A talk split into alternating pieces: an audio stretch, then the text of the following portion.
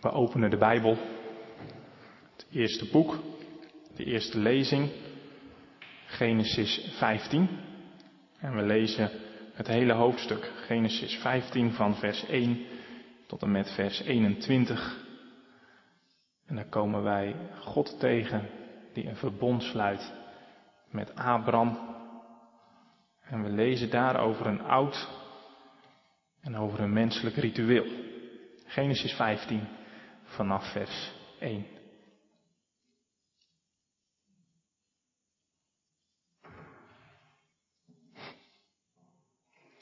Daar lezen we het woord van de Heer als volgt. Na deze dingen kwam het woord van de Heer tot Abraham in een visioen. Wees niet bevreesd, Abraham. Ik ben voor u een schild, uw loon zeer groot. Toen zei Abraham, Heere, Heere, wat zult u mij dan geven? Aangezien ik kinderloos heen ga en de bezitter van mijn huis deze Eliezer uit Damascus zal zijn. Verder zei Abraham, zie, mij hebt u geen nageslacht gegeven. En zie, iemand die in mijn huis geboren is, die zal mijn erfgenaam zijn. Maar het woord van de Heere kwam tot hem. Deze man, deze Eliezer, zal uw erfgenaam niet zijn. Maar iemand die uit uw eigen lichaam voortkomt, die zal uw erfgenaam zijn. Toen leidde God Abraham naar buiten en zei, kijk toch naar de hemel en tel de sterren. Als u ze kunt tellen. En God zei tegen hem, zo talrijk zal uw nageslacht zijn. En Abraham geloofde in de Heer en die rekende hem dat tot gerechtigheid. Verder zei God tegen hem, ik ben de Heer die u uit het Ur van de Galdeën geleid heeft, om u dit land te geven om het in bezit te hebben. Abraham zei, Heere, Heere, waardoor zal ik weten dat ik het in bezit zal krijgen? God zei tegen hem, haal van mij een driejarige jonge koe, een driejarige geit, een driejarige ram, een tortelduif en een jonge duif. Abraham haalde al deze dieren voor God, deelde ze door midden en legde de stukken tegenover elkaar. De vogels deelde hij echter niet. Er kwamen roofvogels op de kadavers af, maar Abraham joeg die weg. En het gebeurde toen de zon bijna onderging dat er een diepe slaap op Abraham viel. En zie een grote schrikwekkende duisternis viel op hem. Toen zei God tegen Abraham, weet wel dat uw nakomelingen vreemdelingen zullen zijn in een land dat niet van hen is. Zij zullen hen dienen en men zal hen, de Egyptenaren, 400 jaar onderdrukken. Maar ook zal ik over het volk, over de Egyptenaren, dat zij zullen dienen, recht spreken. En daarna zullen zij, het volk van Israël, met veel bezittingen wegtrekken. Maar u, Abraham, zult in vrede tot uw vaderen heen gaan. U zult in goede ouderdom begraven worden. De vierde generatie zal hier terugkeren, want de maat van de ongerechtigheid van de Amorieten is tot nu toe niet vol. En het gebeurde dat de zon onderging en het donker werd. En zie, er was een rokende oven en een brandende fakkel die tussen die stukken doorging. Op die dag sloot de Heer een verbond met Abraham en zei, aan uw nageslacht heb ik dit land gegeven. Van de rivier van Egypte af tot aan de grote rivier, de rivier de Eufraat. Ik heb de Kenieten aan hen gegeven, de Kenezieten, de Katmonieten, de Hethieten, de Ferezieten, de Refaïten, de Amorieten, de Kanaanieten, de Girgasieten en ook de Jebusieten.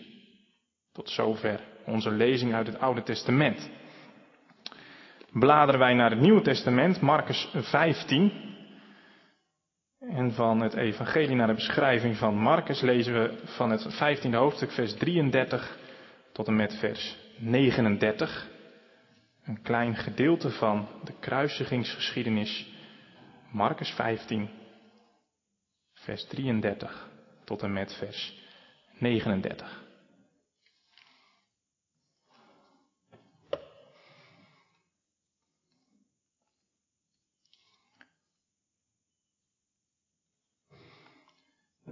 En toen het zesde uur gekomen was, kwam er duisternis over heel de aarde tot het negende uur toe. En op het negende uur riep Jezus met luide stem, Eloi, Eloi, lama sabachthani. Dat betekent, mijn God, mijn God, waarom hebt u mij verlaten? En sommigen van hen die daarbij stonden en dit hoorden, zeiden, zie, hij roept Elia.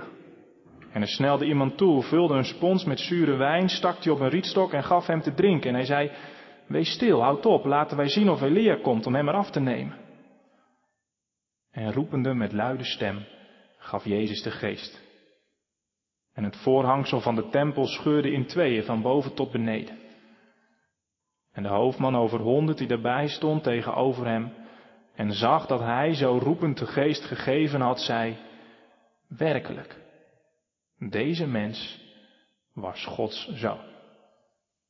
Tot zover onze schriftlezingen.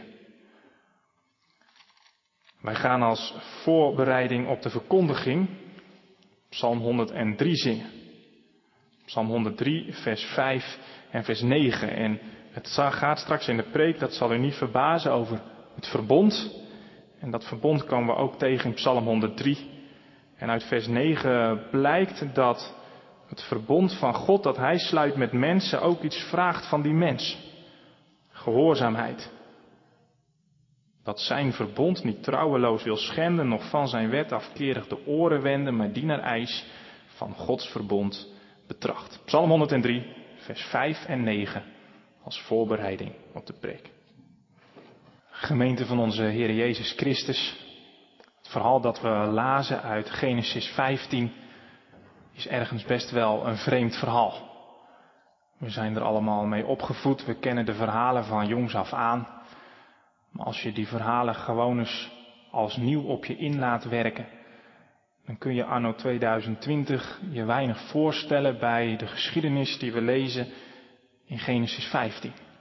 Ik stelde mij thuis zo voor dat God mij de opdracht gaf om vijf dieren te halen. Ik zou al niet weten waar ik die dieren vandaan moest halen, maar ik begin op marktplaats, denk ik. En dat God mij dan de opdracht geeft om die dieren te doden. Ja, dan ga ik met die dieren naar huis. Ik heb alleen balkonnen, dus daar lukt het niet. Dus dan moet dan voor ons huis, naast de trambaan, in het gras. Dan bel ik denk ik maar de lokale slager, want dieren doden zie ik mezelf ook nog niet doen. En dat ik die dieren dan door de midden moet hakken. En die dieren een stukje uit elkaar moet leggen. En dat ik dan net als Abraham moet gaan wachten op God. Dan zet je er een klapstoeltje bij. En de tram komt voorbij en de fietsen komen voorbij en de auto's zoeven voorbij. En dan zit je te wachten op God. Dat is onze geschiedenis, dat is ons verhaal. En dat hele oude verhaal wat ons iets vertelt over een menselijk ritueel is vanmiddag prachtig. Want in Genesis 15 en in dat oude verhaal openbaart God zich. En vanmiddag gaan we ook met die bril naar deze geschiedenis kijken. Want deze geschiedenis roept heel veel vragen op. En je zou er wel vier preken over kunnen houden. Maar vanmiddag kijken we vooral naar hoe openbaart God zich aan ons in dit gedeelte. Hoe leren wij God kennen? De verbondsgod eh, die vandaag de dag dezelfde is als in de tijd van Abraham in Genesis 15. En dan begint ons gedeelte met, na deze dingen kwam het woord van de Heere tot Abraham. Na deze dingen, dat zijn de dingen die in hoofdstuk 14 zich hebben afgespeeld. Abraham die is op veldtocht geweest. En Abraham die heeft Melchizedek ontmoet. En na die dingen spreekt God tot Abraham in een visioen. Het eerste wat God dan tegen Abraham zegt, is al prachtig. De grote, de machtige, de heilige God komt uit de aarde om te praten met gewone mensen. Met kleine mensen, kwetsbare mensen, nietige mensen als wij. En wat zegt de grote God als hij Abraham aanspreekt? Wees niet bevreesd. Wees niet bang. De grote God spreekt met kleine mensen. Hij wil een relatie met gewone mensen zoals wij.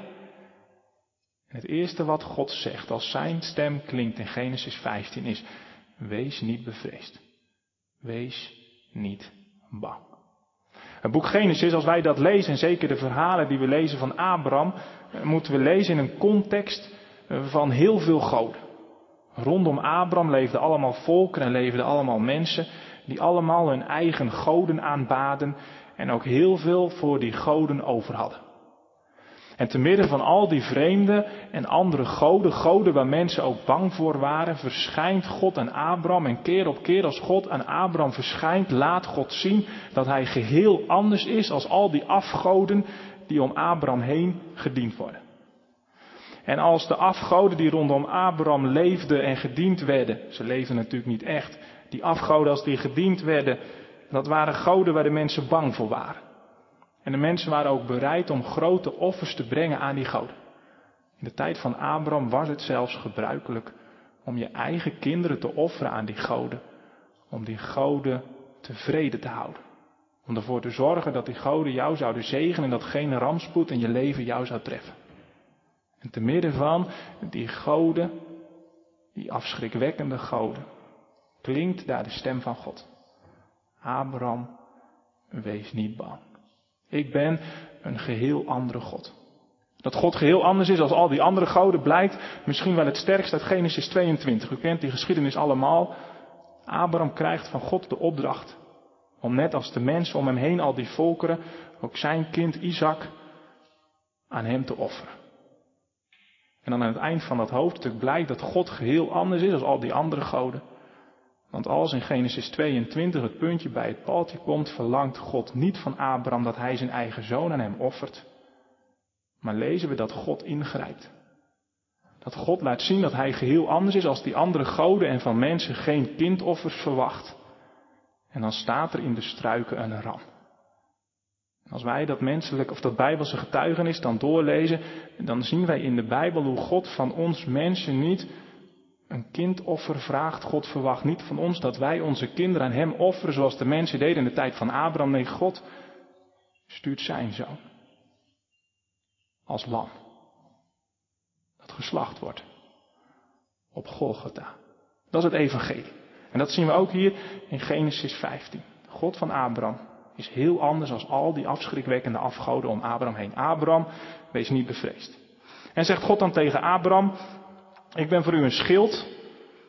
Ik ben jouw beschermer. Ik bescherm jou te midden van al die krijgsheren, te midden van al die volkeren. Bescherm ik jou.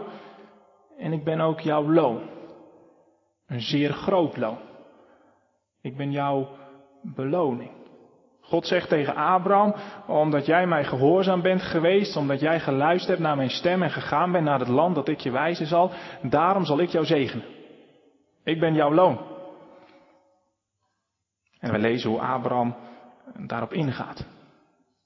Abraham zegt tegen God, u zegt dat wel, dat u mijn loon bent, dat u mij zult zegenen.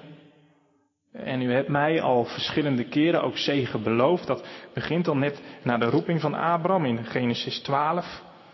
Dan belooft God in vers 2 dat hij Abraham een groot volk zal maken.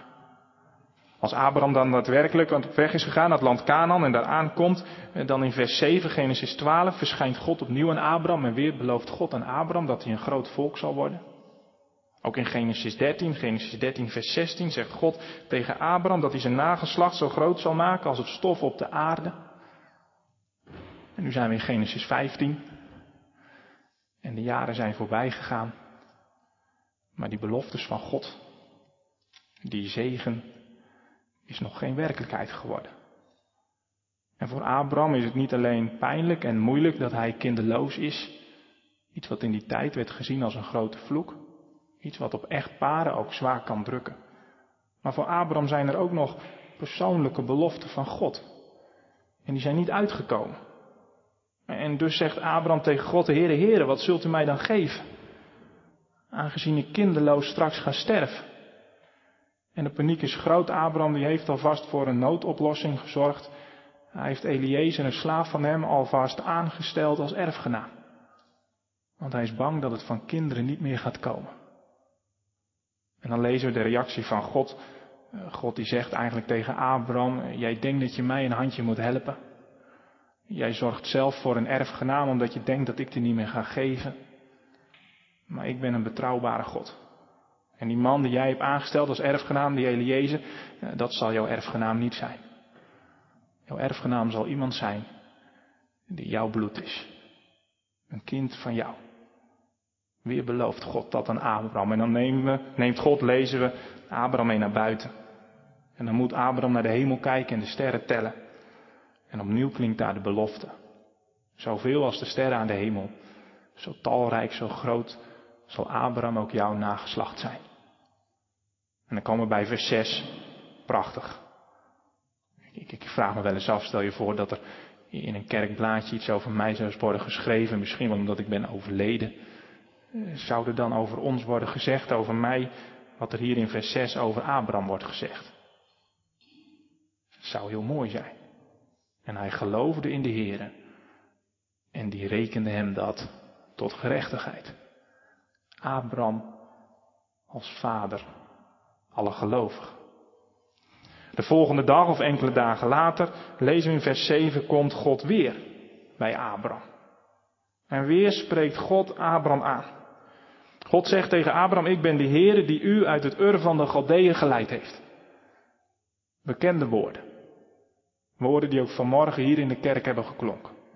Ik ben de Heere uw God die u uit Egypte, uit uw slavenhuis geleid heeft. Ik ben Abraham, de Heere uw God die u uit uw slavenhuis, uit het Ur van de Galdeeën geleid heeft. Ik ben de Heere uw God die u hier in Veenendaal kan leiden of heeft geleid uit uw slavenhuis. De banden die jou binden, dat waar jij of u verslaafd aan bent. Ik ben de God die bevrijdt. Ik ben de God die die banden kan verbreken. En die God die bevrijde, die verschijnt weer aan Abraham en die zegt tegen Abraham, dat land waar je nu bent zal ik jou in bezit geven. Het zal van jou zijn en van je nageslacht. Van het volk Israël. En dan in vers 8 komen we Abraham tegen die, die zich toch wel enigszins vertwijfeld afvraagt. Ja, maar Heer, u hebt mij ook al kinderen beloofd en dat is tot nu toe niet vervuld. Waaruit zal ik dan weten dat dit wel wordt vervuld? Dat wat u nu aan mij belooft ook daadwerkelijk zal gebeuren. En dan vanaf vers 9 lezen we hoe Abraham de opdracht krijgt van God om alles in gereedheid te brengen voor dat oude menselijke ritueel. En dat oude menselijke ritueel heeft alles te maken met iets wat we in onze tijd vaak zeggen. Afspraak is afspraak. Als u een afspraak maakt met iemand, een contract sluit, dan moet u er wel van op aankunnen dat die ander die afspraak ook nakomt. Als afspraken in een samenleving waardeloos zijn en niets voorstellen, dan wordt het chaos. In onze tijd, ik heb het vorig jaar nog gedaan, wij verhuisden van Zoetermeer naar Rotterdam, we gingen daar een huis huren. Eh, toen moesten we in het huis van die vastgoedondernemer, of in het kantoor van hem, moesten we verschijnen. En daar lagen allemaal papieren op tafel, dat was ons huurcontract. En in dat huurcontract, daar stonden onze rechten, maar ook onze plichten. Onze rechten waren dat wij als enige de sleutel kregen van ons huis. Die zou onze verhuurder niet ook aan anderen geven. En hij zou dat huis ook in goede staat opleveren. En onze plichten waren dat wij elke maand de huur moesten betalen. En dat huis in goede staat moesten houden. Logisch. En zowel de verhuurder als wij zetten een handtekening onder dat contract. En daarmee zeggen wij allebei, de afspraak die we nu maken, zijn we van plan om na te komen. En zo niet, dan mag je mij daarop aanspreken. En in onze samenleving hebben we daar een heel rechtssysteem omheen gebouwd met notarissen en rechters en deurwaarders en politie. Die er allemaal voor kunnen zorgen dat een afspraak die je maakt in ons land ook daadwerkelijk een afspraak is. Want afspraak is afspraak, dat is belangrijk. In de tijd van Abraham had je dat allemaal niet. En zeker niet in de vorm zoals wij die vandaag kennen. Dus als men in de tijd van Abraham een afspraak maakte, deed men dat op een geheel andere manier. En dat lezen we in Genesis 15. Abraham krijgt van God de opdracht om vijf dieren te halen. We lezen in vers 9. Een driejarige jonge koe, een driejarige geit, een driejarige ram, een tortelduif en een jonge duif. Abraham krijgt verder geen instructies, de opdracht van God stopt hier, maar Abraham weet precies wat er van hem wordt verwacht. Hij ziet dit in zijn leven om hem heen eh, vaker gebeuren.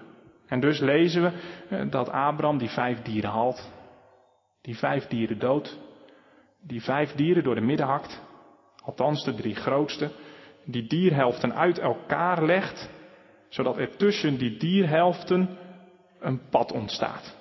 En die twee vogels legt hij waarschijnlijk tegenover elkaar.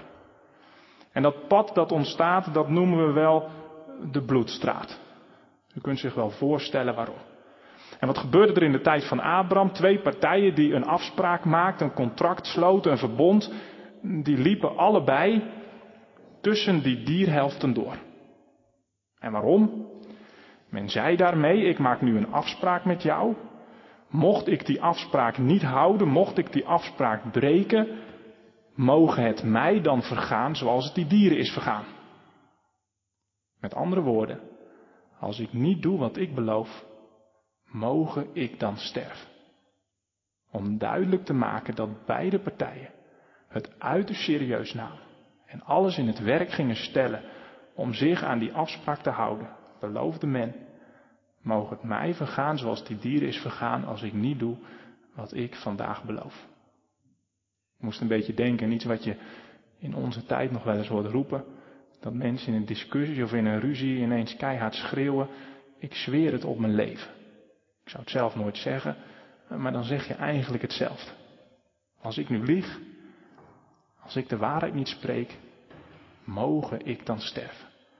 Nou, dat deed men ook met dit eeuwenoude ritueel waarover we hier lezen in Genesis 15. Abraham die heeft die dieren gedood, die dierhelften liggen voor hem en we lezen dat Abraham wacht op God. In het land Canaan leven roofvogels die met hun scherpe blik en hun sterke reukvermogens al snel die kadavers bespeuren. Die roofvogels komen aangevlogen. We lezen hoe Abraham die roofvogels wegjaagt. En als de zon dan bijna ondergaat, het schemert, we hoe Abraham in een diepe slaap valt. En die slaap die is niet alleen heel diep, in die slaap valt er ook een grote, schrikwekkende duisternis op hem. Vers 12. Een duisternis die angst bij hem oproept. Een duisternis die hem bang maakt. Want in die duisternis, die angstwekkende duisternis, die schrikwekkende duisternis, verschijnt God aan Abraham. De grote God, de machtige God, de heilige God, die weliswaar zegt, wees niet bevreesd, maar ook de God die wij moeten vrezen. De God die eerbiedt en die respect afdwingt. De God die als hij verschijnt aan Abraham, komt in een schrikwekkende duisternis. En dan gebeuren er in ons gedeelte twee dingen. Eerst spreekt God tot Abraham, vers 13 tot en met vers 16. En in vers 17 lezen we dan hoe God deel gaat nemen aan dat menselijke ritueel. Maar eerst dat spreken. In dat spreken zijn ook weer twee lagen te onderscheiden. God die spreekt over het volk Israël en hoe het hen in de toekomst zal vergaan. En God spreekt over Abraham en hoe het hem in de toekomst zal vergaan. Eerst kort over dat volk Israël. God zegt dat volk Israël, jouw nakomelingen Abraham, die zullen vreemdelingen zijn in een land dat niet van hen is. God bedoelt natuurlijk Egypte. En dan zullen ze 400 jaar in slavernij leven. Maar dat is niet het einde. Nee, na 400 jaar zal God hen bevrijden en zal hij hen uit Egypte wegleiden. Dat is wat God aan Abraham vertelt over de toekomst van zijn volk. God heeft het ook over de toekomst van Abraham. Vers 15. U Abraham, u zult in vrede tot uw vaderen heen gaan en u zult in goede ouderdom begraven worden. Abraham zal niet alleen heel oud worden, want heel oud is niet per se goed, maar hij zal in goede ouderdom sterven. In het Hebreeuws staat daar het woordje tof. Op zijn sterfbed zal Abraham goed heen gaan. En als God uitgesproken is, lezen we dat de zon helemaal is ondergegaan. Het is donker geworden. En dan lezen we hoe er tussen die dierhelften, door dat pad wat Abraham heeft gecreëerd, een rokende oven en een brandende fakkel gaan. Abraham ziet ook tussen die dierhelften door een rokende oven en een brandende fakkel trekken. Bij een rokende oven moeten we denken aan een oven in de tijd van Abraham. Wij bij ovens tegenwoordig die niet meer roken. Maar in de tijd van Abraham moeten we denken aan een pot of een kruik die heel erg hard was gebakken. Die dus ook hele hoge temperaturen aan kon. En wat deed men in de tijd van Abraham? Gekneed brood werd aan de binnenkant van zo'n pot geplakt. En dan zette men zo'n pot bij een heel hoog vuur om dat brood binnen in die pot te bakken. Men deed ook wel eens om het proces te versnellen in zo'n pot vurige houtskolen of hele hete stenen. Dan ging zo'n pot ook roken. En zo'n rokende pot, zo'n oven waarmee men brood bakte, ziet Abraham tussen die stukken doorgaan en een vurige fakkel. Symbolen. Symbolen van wat? Of symbolen van wie? In het Oude Testament zijn rook en vuur symbolen van God.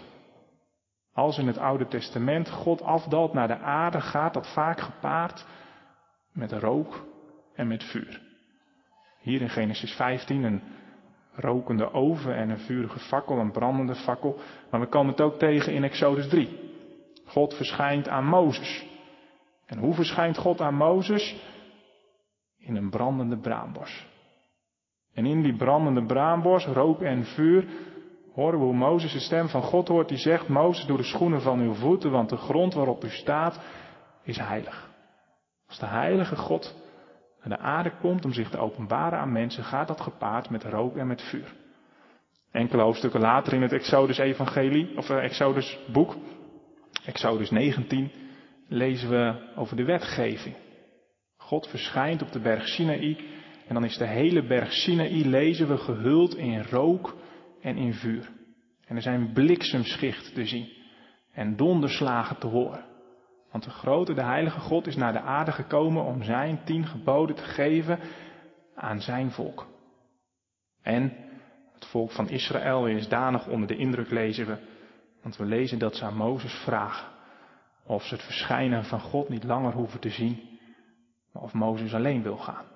God verschijnt in rook en vuur als het volk van Israël uittrekt uit Egypte, overdag een wolkolom, s'nachts een vuurkolom. Vuur als teken van de heiligheid van God, de aanwezigheid van God. En ook in het Nieuwe Testament komen we het tegen.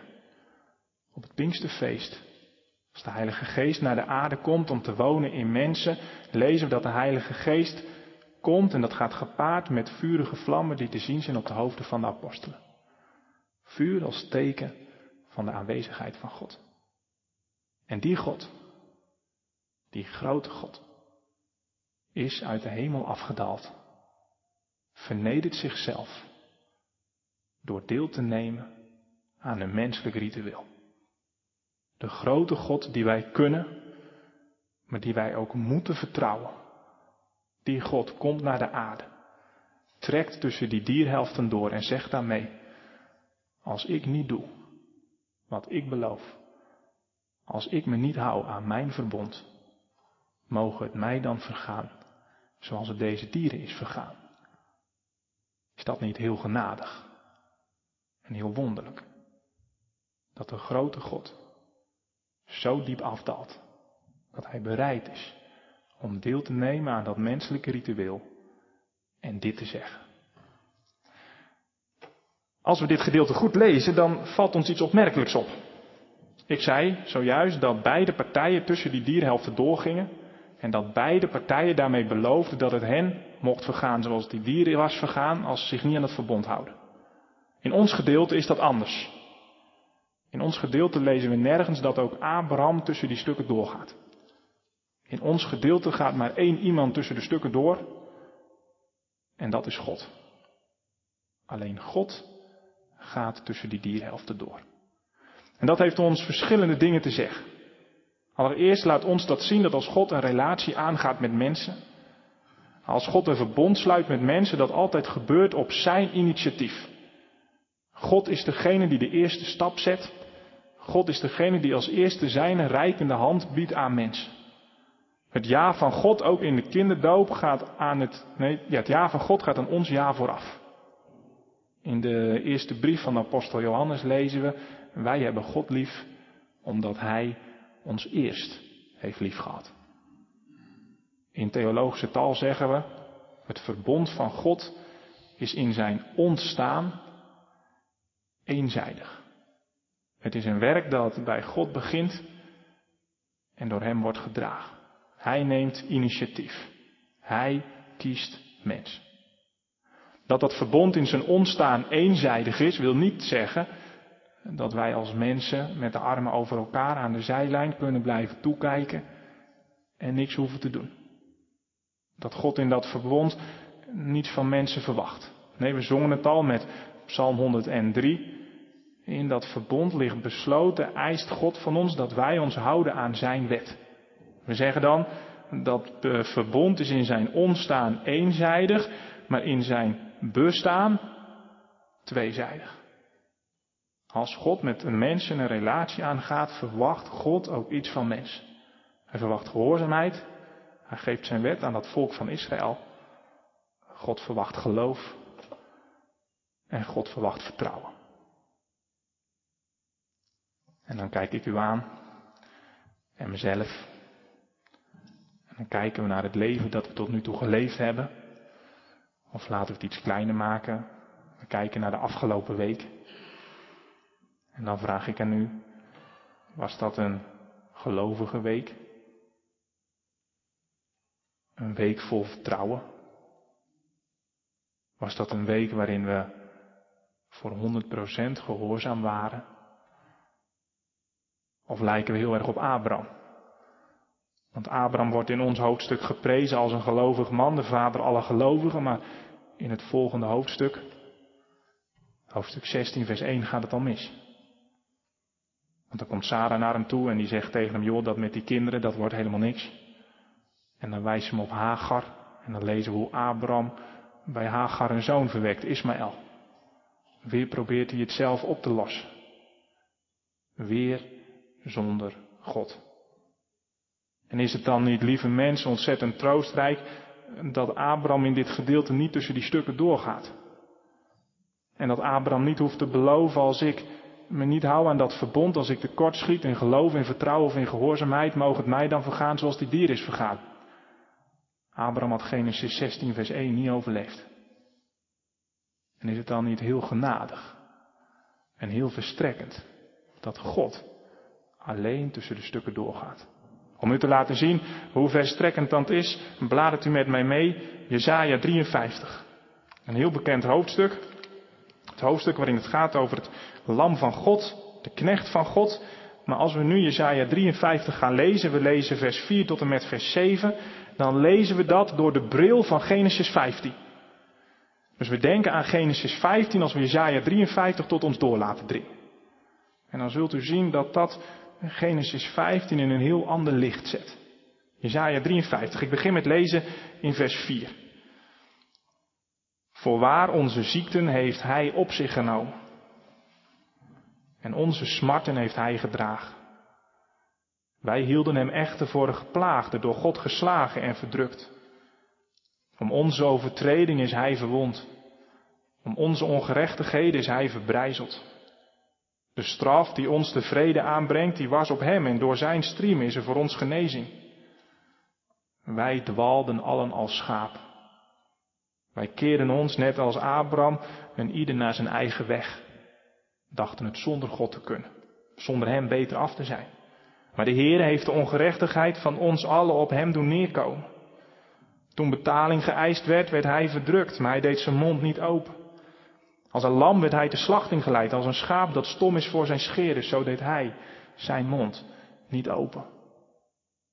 Als we Isaiah 53 tot ons door laten dringen en lezen wat er over dat lam wordt gezegd. Hij heeft onze smarten gedragen. Hij is geslagen, verdrukt, verwond, verbrijzeld. We lezen over striemen. We lezen dat dat lam ter slachting wordt geleid. Als we die woorden tot ons door laten drinken, dan denken we terug aan Genesis 15. Aan dat wat die dieren overkwam. En dan realiseren we ons dat God niet alleen zegt, mogen het mij vergaan zoals die dieren is vergaan als ik niet doe wat ik nu beloof. Maar dat God nog veel verder gaat. God zegt, als jij Abraham en als jullie volk van Israël en als jullie vanmiddag hier in Venendal jullie dan niet houden aan dat verbond. Als jullie dan niet vertrouwen, niet geloven, niet gehoorzaam zijn, dan zal ik mijn zoon zenden. Mijn knecht, mijn lam. En dan zal het hem vergaan zoals het eigenlijk jullie had moeten vergaan. Dan zal het hem vergaan zoals het die dieren is vergaan. En dat, beste mensen, dat is het evangelie. God trekt alleen tussen de stukken door. Het klinkt al in Genesis 15. En hij stuurt zijn zoon als lam om geslacht te worden. En daarover lezen we in Markus 15, onze laatste lezing. Daar lezen we hoe die woorden uit Jesaja 53, hoe die werkelijkheid zijn geworden. Hoe die profetische woorden uit Jesaja, hoe die waarheid zijn geworden. Markus 15 komen we de Heer Jezus tegen. hangend aan een kruis. Hij geloofde, hij vertrouwde, hij gehoorzaamde God volledig in alles. En toch hangt hij daar. En we horen hoe de Heer Jezus het uitroept. Mijn God, mijn God, waarom hebt u mij verlaten? God verlaat zijn eigen zoon. God verlaat zijn eigen zoon, zodat hij mensen die in die zoon geloven, die hij eigenlijk zou moeten verlaten, niet hoeft te verlaten. Want laten we eerlijk zijn, als wij de gang van dat volk Israël in de Bijbel lezen, en dan staat God soms op het punt om dat volk te verlaten. En hij had er alle recht toe. Maar God blijft trouw. God blijft denken aan zijn verbond. God blijft genadig. Mijn God, mijn God, waarom hebt u mij verlaten? Het klassieke avondmaalsformulier zegt erover als de Heer Jezus dat roept. Mogen gelovige mensen geloven dat God hen nooit zal verlaten. En altijd bij hen zal blijven. En zo hebben Genesis 15, Jesaja 53 en Marcus 15 alles met elkaar te maken en ook alles te maken met ons leven. In dat oude verhaal uit Genesis 15, dat vreemde verhaal ook, komen wij God tegen als de God in relatie wil met kleine mensen en zegt, wees niet bevreesd. We komen God tegen als de God die betrouwbaar is. We komen God tegen als de God die initiatief neemt. De God die alleen tussen de stukken doorgaat. We komen God tegen die zichzelf vernedert door deel te nemen aan een menselijk ritueel. We komen God tegen die zichzelf vernedert door af te dalen naar deze aarde als kind en geboren te worden in een stal. We komen God tegen die zegt, als jullie niet doen wat ik van jullie verlang, mogen het mij dan vergaan zoals het eigenlijk en jullie had moeten vergaan. En als u van de week die gedeelte nog eens rustig doorleest, Genesis 15, Jezaja 53, Marcus 15, en dan geloven wij dat het woord van God altijd vraagt om een antwoord van ons mensen. Dat de actie van God, het zenden van zijn zoon, vraagt om onze reactie. Dus als u die gedeelte uit de Bijbel nog eens rustig doorleest, vraag u zelf dan af. Wat is op dit woord van God mijn antwoord? Amen.